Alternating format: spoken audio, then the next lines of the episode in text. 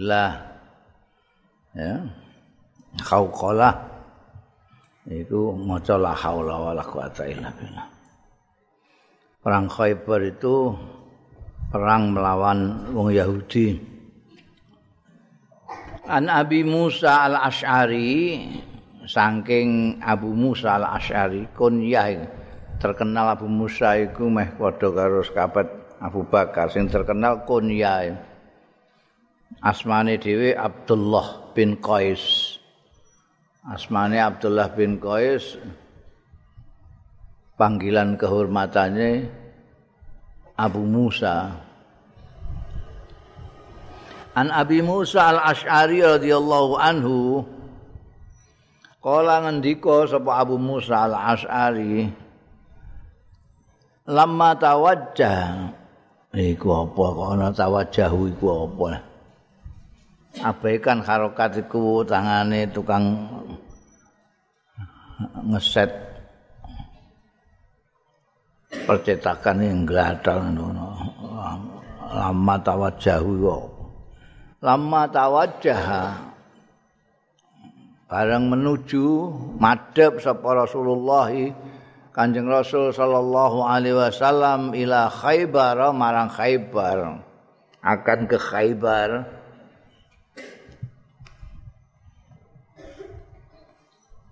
Iku nek provinsi ini ya melok Madinah tapi jauh dari Madinah. Tempat perkebunan kurma yang bagus di sana. Memang ahlinya orang Yahudi ini soal perkebunan. Ini ketika kanjeng Nabi berangkat menuju ke Khaybar. Asrafan nasu ala wadin mongko muncul asraf itu dengangak ngendelok mudun.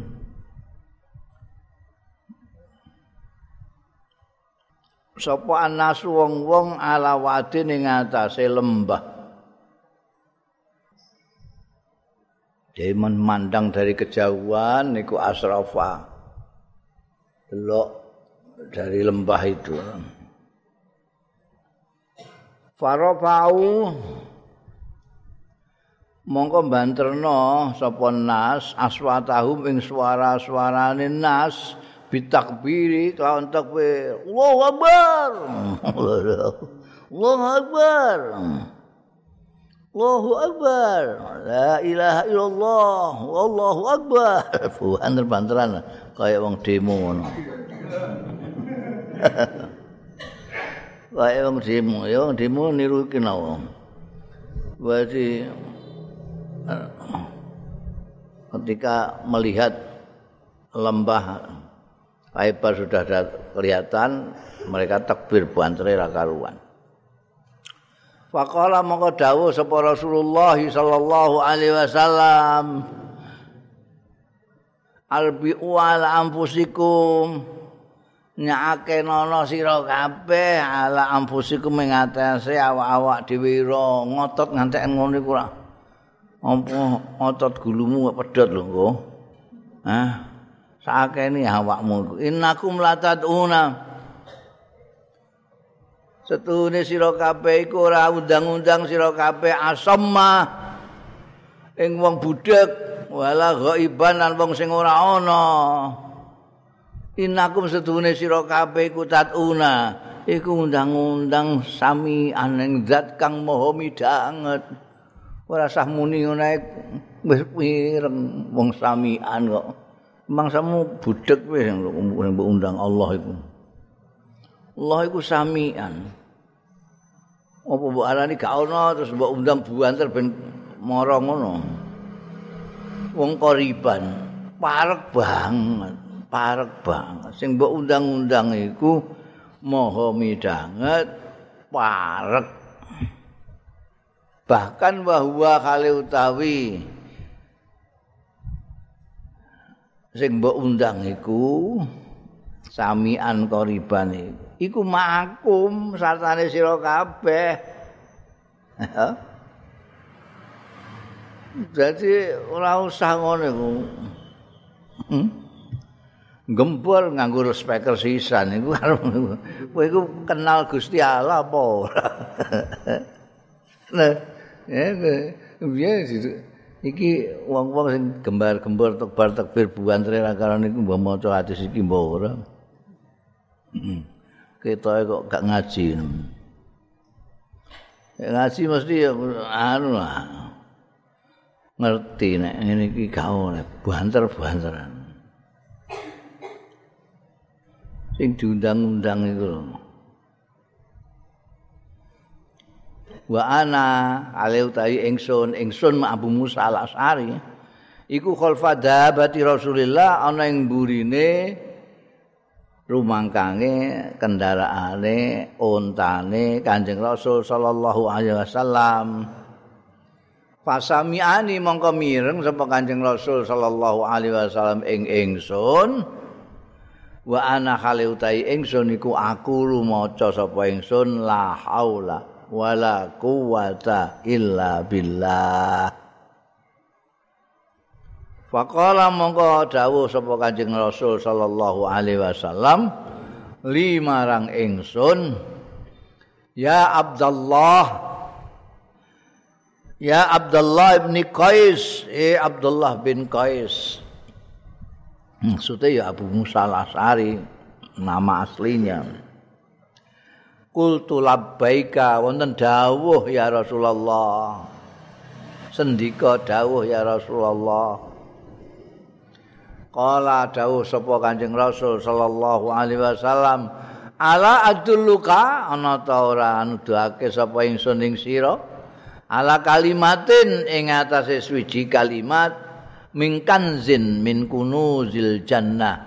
Saking perbendaraan saking perbendaraan perbendaraan swarga kowe apa ora kepengin tak kandhani bab kalimat sing saka perbendaraan swarga?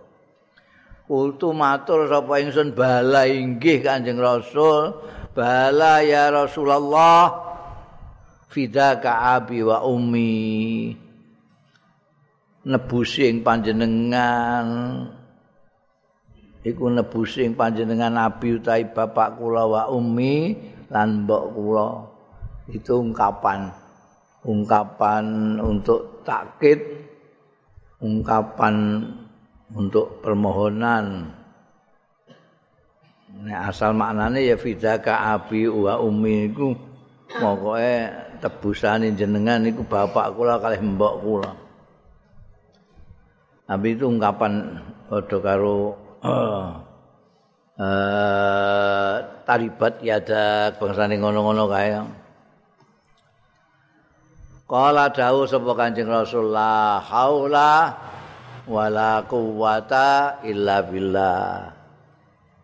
Ora ana daya iku maujud wala kuwata lan ora ana kekuatan iku maujud illa billahi kejaba kelawan ditulungane Gusti Allah taala.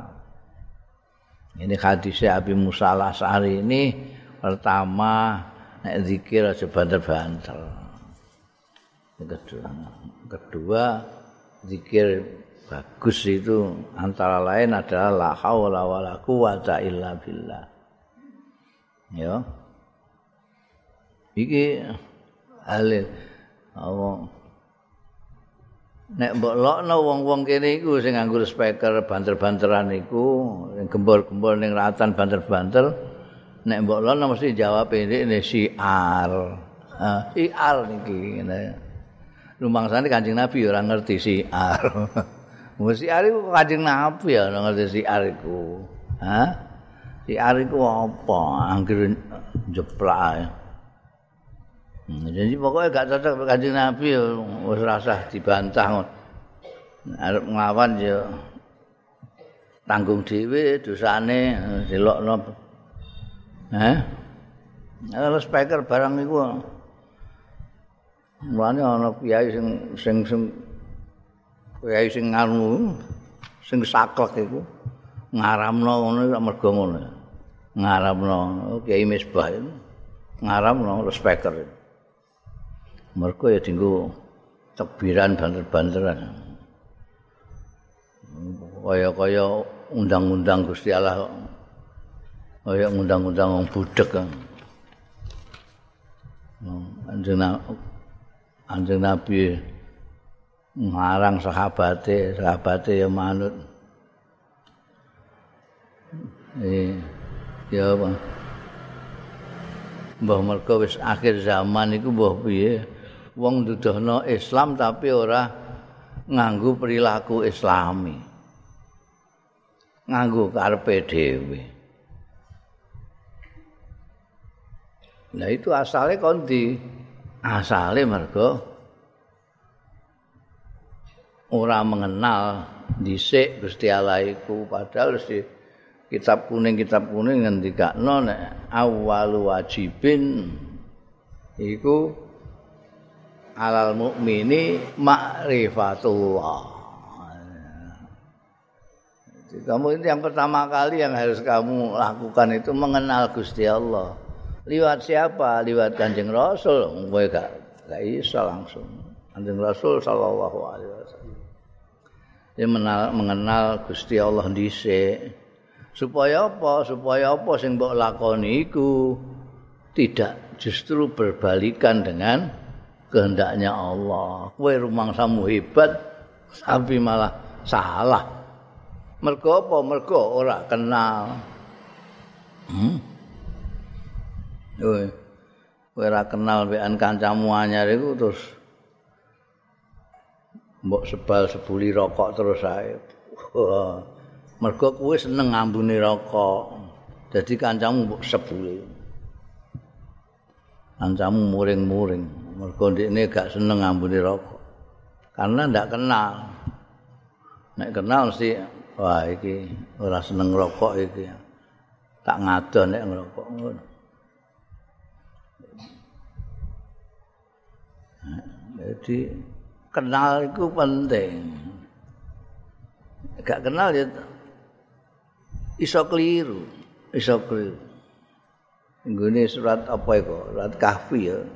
Ono wong sing paling apa jenenge paling rugi itu ada orang yang rumangsane dia berbuat baik padahal berbuat buruk. mengira iku sing Ngene Wah ini pun umum sedaya ngoten kok. Aku tahu ngelokno ngono iku ya di dian wong MUI mawon mboten larang ngono. Sing diduk-dukno MUI. Lho iku bekakas sapa? Bangga-banggakno ning aku. Kuwi Kanjeng Nabi ya. Lha niki pancen mboten langsung kan MUI pun ngai fatwa.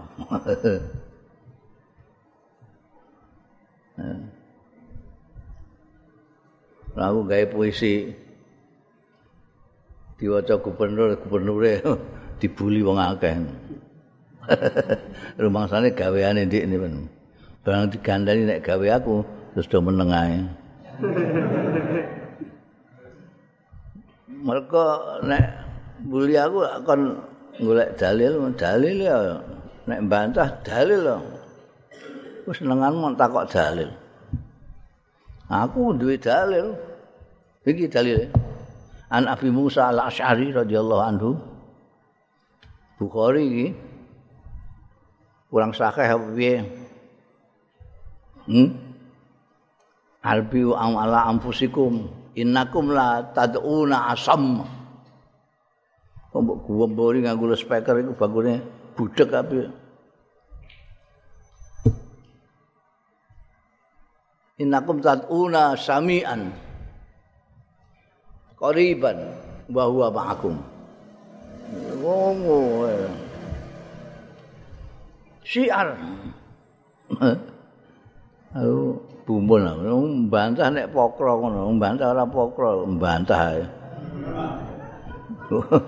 mingkem ora nggih nggih terus istighfar dosa.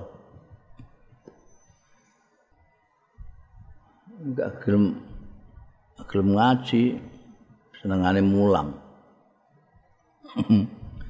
Ngaji mulang ngrusak iki ngono. Iku ngaji sik lagi mulang.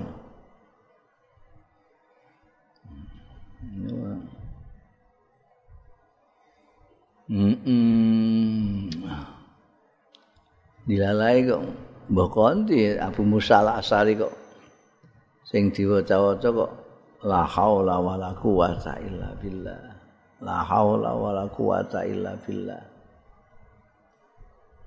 Ono kanca-kancane do tekbir banter-banter didugani Kanjeng Nabi beliau la haula wala quwata illa billah. Malah didawi Kanjeng Nabi nek la haula wala quwata illa billah itu kalimat dari perbendaraan swarga. Ya. Waja ngantek sedina ora maca la haula wala quwata illa billah ya maca la haula wala quwata illa Najan kowe wis la ilaha illallah subhanallah alhamdulillah Allahu akbar piturute aja ngantek ora maca la haula wala quwata illa billah. Terutama nek kowe meh tangi turu kok aras-arasen maca la haula wala quwata illa billah. Kowe meh terus kok ngantuk la haula wala quwata. Nek ngaji ngantuk ya wis angel kowe kok gak iso maca. Lah iso maca la haula wala quwata. jedet nom mripate ra iso ya macan. Mau mangkat ngaji ku maca la haula wala quwata illa billah. Ya. Pokoke sing kira-kira kowe rasa-rasen maca la haula wala quwata illa billah.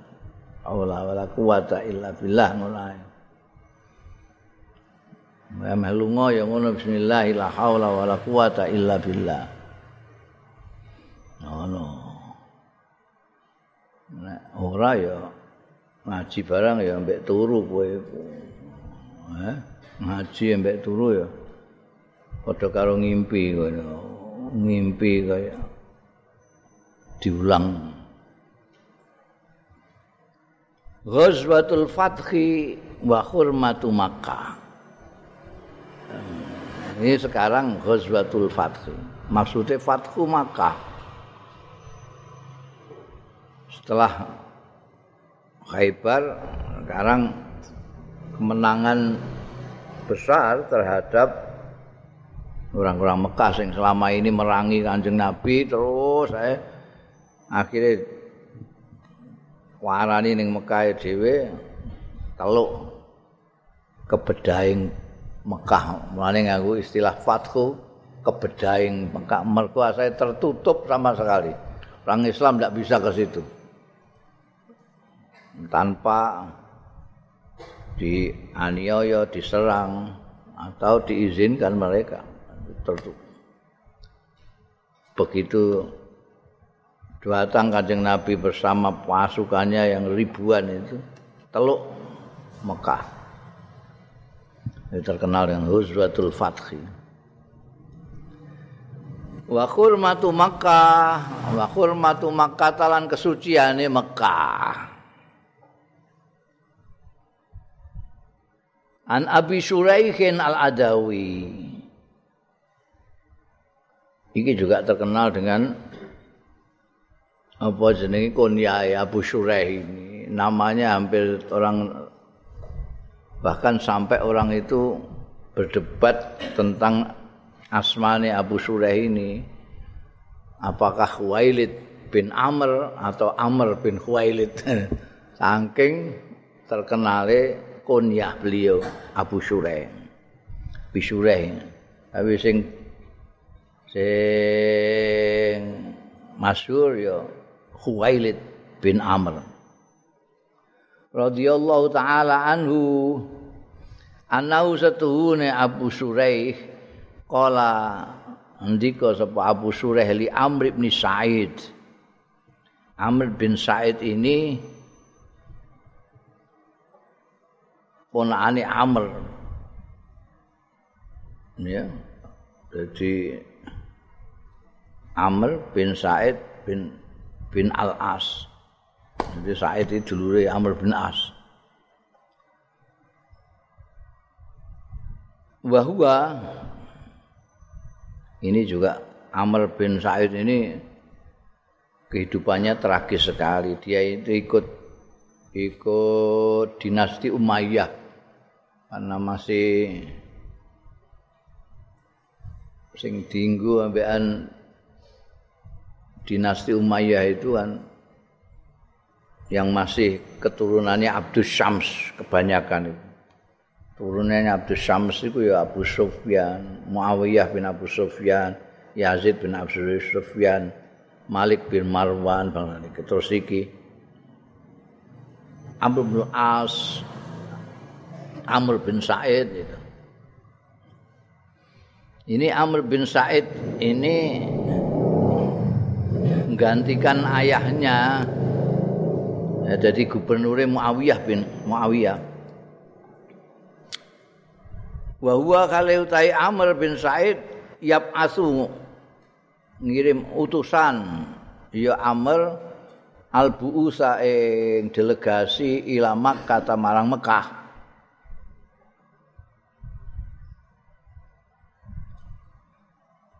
Mekah nalika iku apa na, dikuasai oleh Abdullah bin Zubair. Ini sudah sudah apa? awal kekacauan itu mulai dari sahabat Utsman terbunuh terus kemudian Muawiyah tentang Sayyidina Ali Muawiyah itu gubernur Sam tentang Sayyidina Ali dibantu gubernur Mesir Amr bin As yang masih satu klan ya dari Abdi Sams Kalau Sayyidina Ali kan dari Abdul Manaf. Jadi ada Abdul Manaf, ada Abdul Syam. Ini apa klan besar di Mekah yang saling bersaing terus itu. Abdul Syam sampean. Jadi kalau banyak yang dulu tidak mau segera iman kepada Rasulullah Shallallahu Alaihi Wasallam itu, banyakkan karena taasub klan ini, taasub kabilah itu. Abu Sufyan kan guring-guring imane Khalid bin Walid an apa jenenge Amr bin As barang.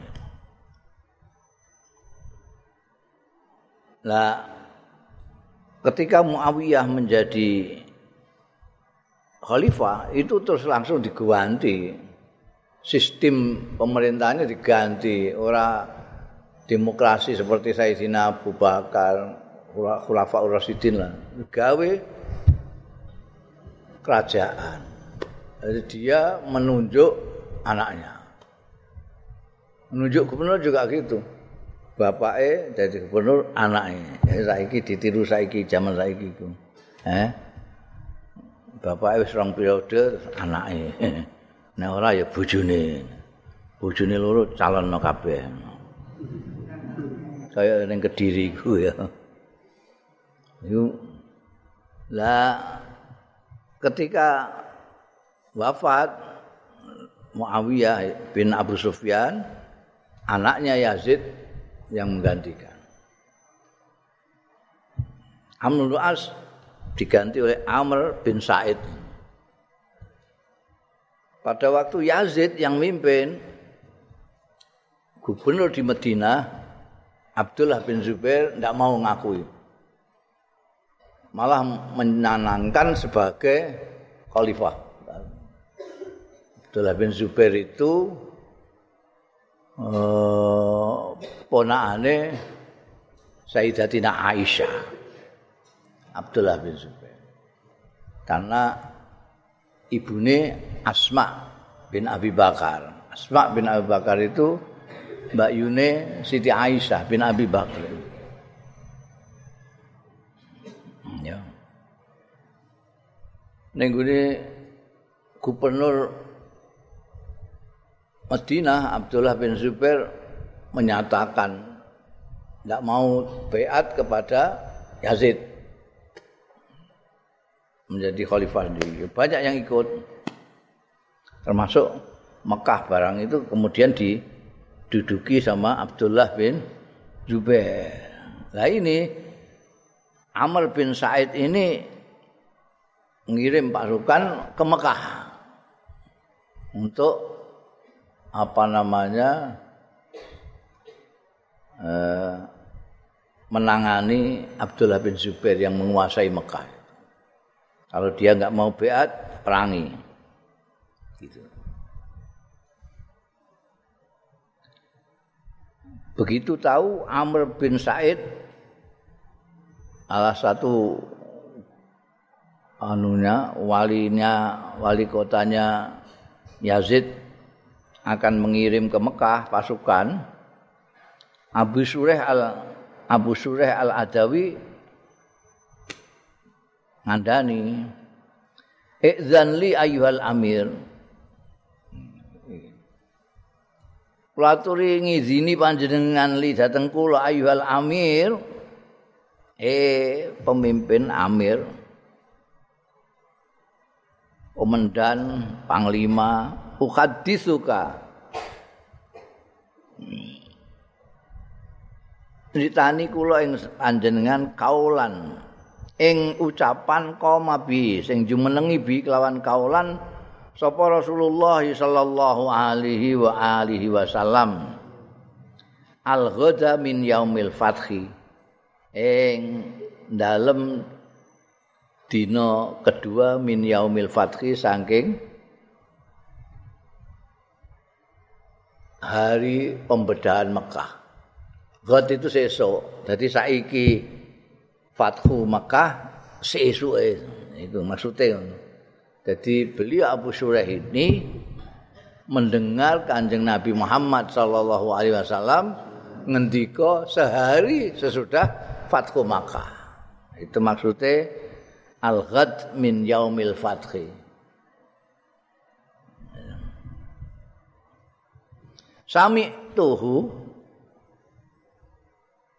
La sami adhu udunaya krungu ing kaulan dawuhe Kanjeng Nabi mau apa uzunaya kuping loro ku kuping loro ingsun. Bawaahu asal maknane madai maksude mengingat bawaahu lan mengingat hu ing kaul apa kalbi ati ingsun. Wa absarat lan ningali sapa ingsun. Ing Kanjeng Rasul sallallahu alaihi wasallam. La wa absarat lan ningali ing Kanjeng Rasul sapa apa aina ya mripatku Kanjeng Nabi ketika ngendikan niku aku telingaku mendengar sendiri hatiku masih ingat mataku melihat sendiri kedua mataku. Hina takallama nalikane ngendikan ya Kanjeng Nabi bi kelawan kaulan. Dudono nek beliau masih sangat segar dalam ingatan pada saat hari kedua Fathu Makkah Kanjeng Nabi ngendika ngendikane ku innahu hamidallah. Innahu setuhune kanjeng nabi sallallahu alaihi wasallam. Iku hamida muji sapa kanjeng nabi Allah ing Gusti Allah. Wa ansna lan ngalembono sapa kanjeng rasul sallallahu alaihi wasallam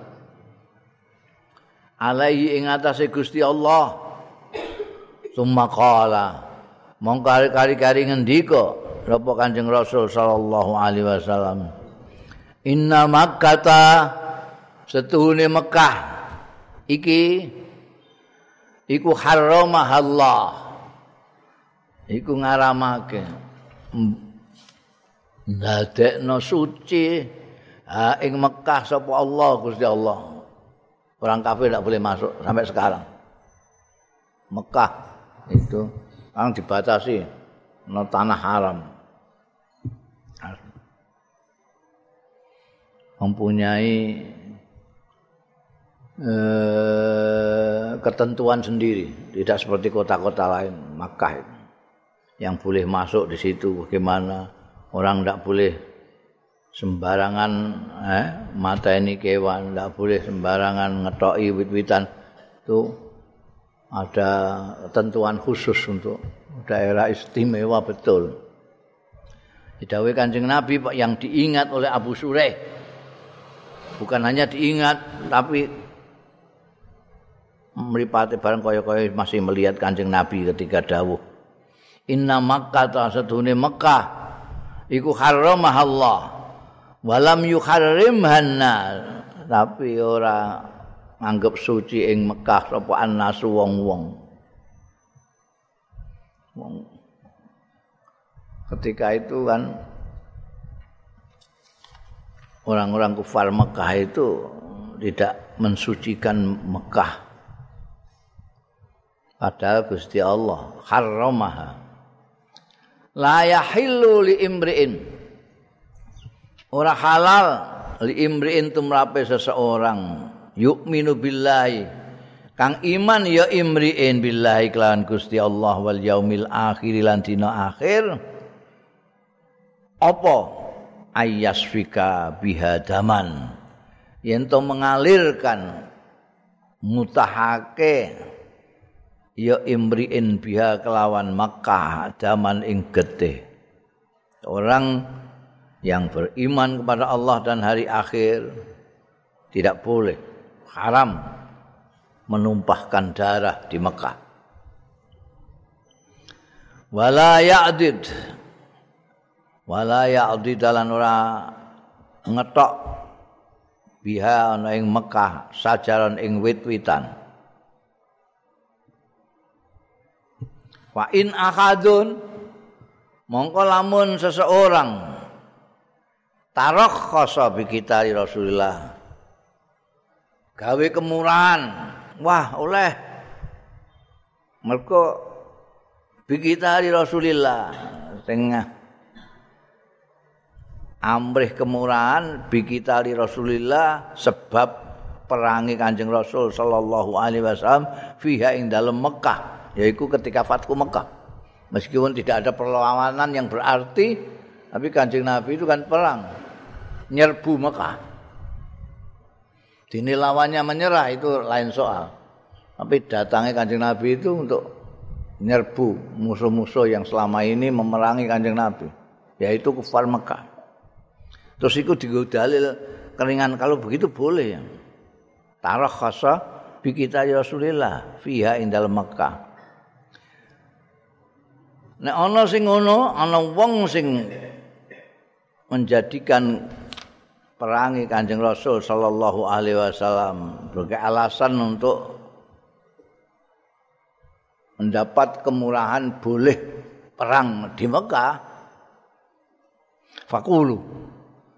Mongko ngucapo sira kabeh lahu marang ahad. Ngucap innallaha satune Gusti Allah. Iku azina pancen wis ngizini sapa Allah. Li rasulihi marang utusane Allah. Tapi walam ya'zan. Lan orang ngizini sapa Allah. Lakum kanggo sira kabeh. Yang diizini cuma Kanjeng Rasul sallallahu alaihi wasallam. Jadi aja mbok gawe dasar untuk memperbolehkan perang di Mekah.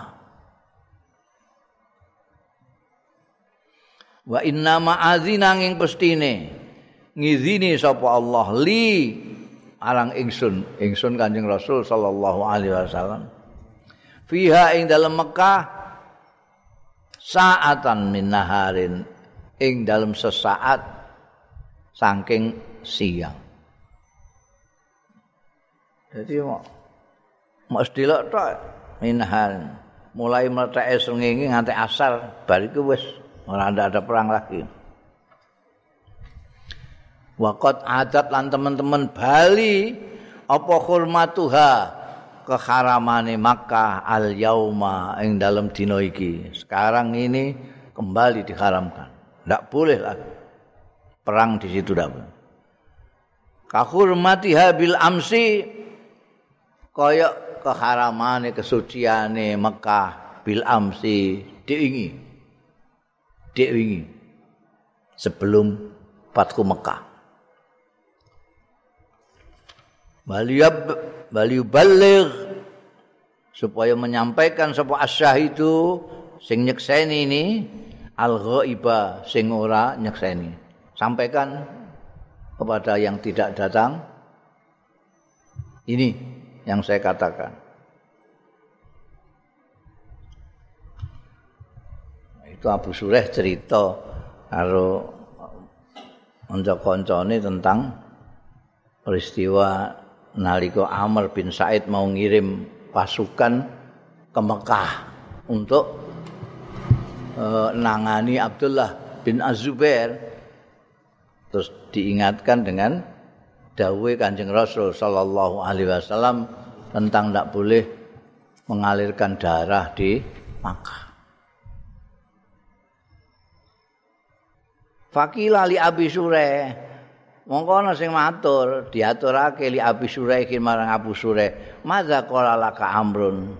Terus ing apa kala ngucap laka marang sira sapa amrun amr. Amal terus apa? Jawab. Sampean bar nyampe dawe kanjeng Rasul sallallahu alaihi wasallam niku terus sapa jenenge Amr bin Said muni piye? Kala ngendika sabu Abu Sure. Kala Amr ucap sapa Amr bin Said. Ana a'lamu bidzalika minka ya Aba Suraih. ana utawi ingsun iku aklamu luwih ngerti bidzalika kelawan mengkono-mengkono dawuh Kanjeng Nabi mau mingkat tinimbangane sira ya Abu Sureh he Abu Sureh Innal harama setune tanah haram iku layu itu asian ora melindungi ya tanah haram asian ing wong sing duraka wala faron lan ora melindungi wong sing mlayu bidamin kelawan nggawa getih. Artinya dia membunuh terus lari ke sana supaya tidak dikisos, supaya tidak dihukum. Tanah suci tidak untuk pelindungan mereka.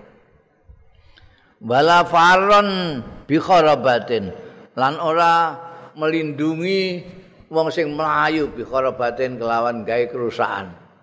Bar ngerampok terus melayu rono. Golek selamat. tanah haram tidak mau.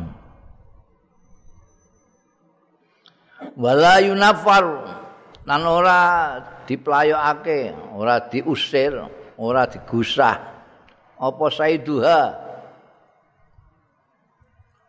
Buronane Makkah.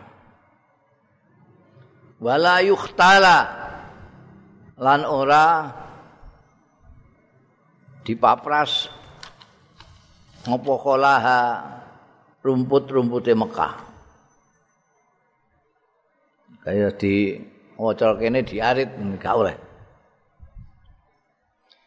Wala takhillu lan ora halal apa lukata tuha temokane Mekah. Nek kowe nemok sesuatu ning Mekah gantung mbok pek. Illa limun sidin kejaba kanggo wong sing ngumumno. Setelah menemukan dompet berisi uang diumumno. Ngantek ana wong sing mara ngakoni dompet iku. Gantuk terus mbok pek gantuk. Mekah itu. Jadi rupanya juga mendengarkan itu sapa jenenge Amr bin Said itu malah lengkap ana tambahane apa jenenge eh layu itu asian wala farron bidamin barang man. Faqala al Abbas mongko matur sapa al Abbas bin Abdul Muthalib illal idkhir ya Rasulullah dikecualikan idkhir nggih idkhir itu uh, sebongso sering, sering. Jadi tumbuh-tumbuhan yang kayak rumput tapi kan gede ini serai. Serai, Tinggu masak itu loh. Idkhir itu. Artinya sahabat Al Abbas bin Abdul Muthalib itu nawar dikecualan kecualikan idkhir ketika kanjeng Nabi ngendika mau wala yuhtala khalaha rumput-rumput tidak boleh dipangkas tidak boleh diarit beliau mengusulkan kecuali idkhir ya Rasulullah alasane Al Abbas fa innahu la budda minhu lil qain fa innahu mongko setune idkhir iku la budda manhu ora kena ora minhu saking idkhir lil qaini kanggo pandhe besi. Jadi nek anu iku dienggo obong-obong dienggo pandhe besi kan dia membutuhkan api ubupan untuk memanaskan besi supaya nanti bisa dibikin apa tah apa ini. Itu kain. Wal buyut dan rumah-rumah. Ya. Iku kaya ning kene apa iku jenenge? Ning omah sing dikai nganggo apa jenenge? Ana sing ora nganggo gendeng omah ning ngono kaya? nganggo kayak rumput itu. Ah, kowe iku gak ana. Apa? Hah? Bubuk. Bubuk saja. Bubuk itu main. Iki lho, yang dhuwur iku lho. Sing digo atap digo ah, sing gendeng nek sing umum kan gendeng. Tapi ning daerah-daerah desa-desa kok ana sing ora gendeng. Tapi kayak seperti rumput-rumputan itu. Apa itu jenenge? Tak tahu tuh mana. Hah? Ah, payon. Payon itu ya sembarang dengar, kayu ya iso, gendeng ya iso, wong jenenge payon. Payon sing kok rumput-rumputan iki lho. Enggak tahu lah. La ilaha illallah. Cedak temen temen piknik yang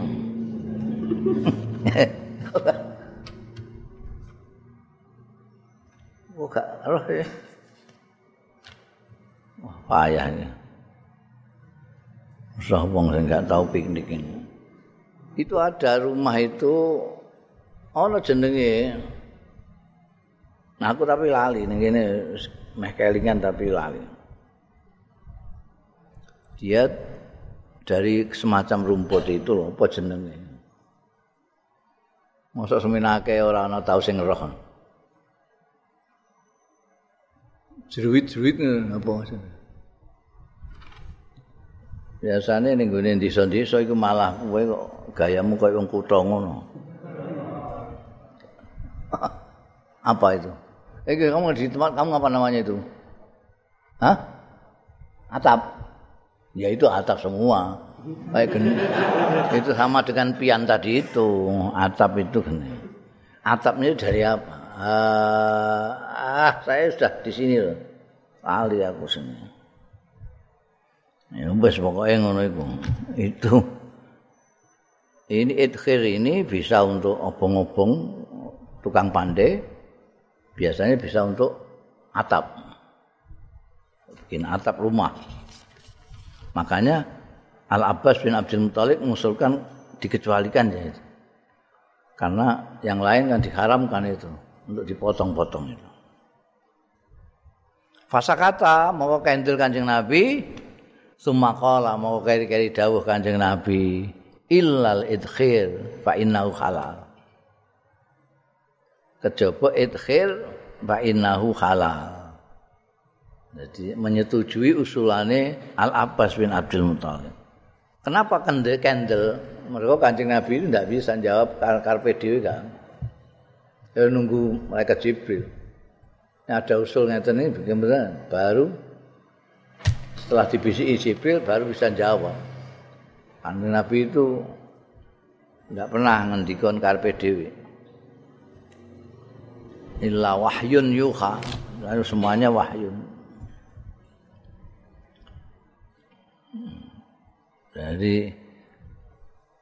iki kan delok iki maksudnya Abi Surah itu sudah mengkhawatirkan ini nanti nek ngirim pasukan barang akan ada pertumpahan darah di di Mekah nanti. Padahal itu tanah suci. Karepe Amr bin Said dielingno dawuh Kanjeng Nabi tentang kesucian Mekah itu. Dadak ditambahi karo Said itu. Aku lebih tahu.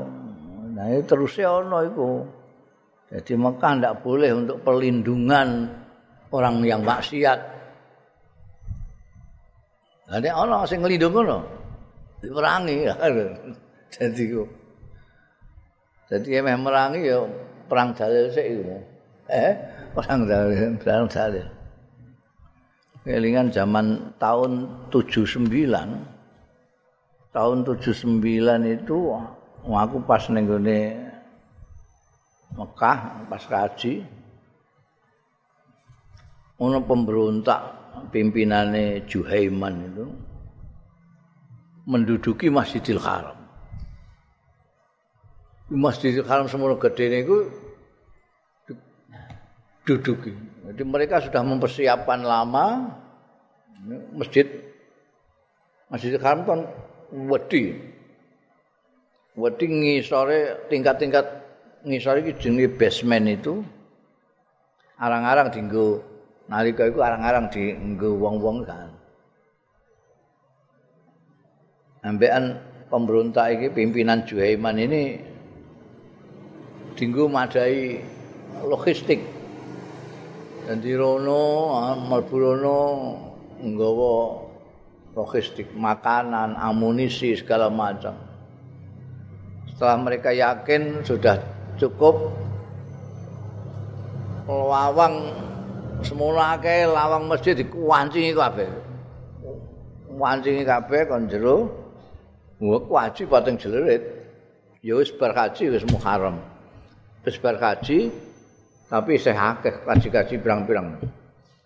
Ning jero cepat yang jerit mereka gak iso metu. Dikancingi ya pemberontak.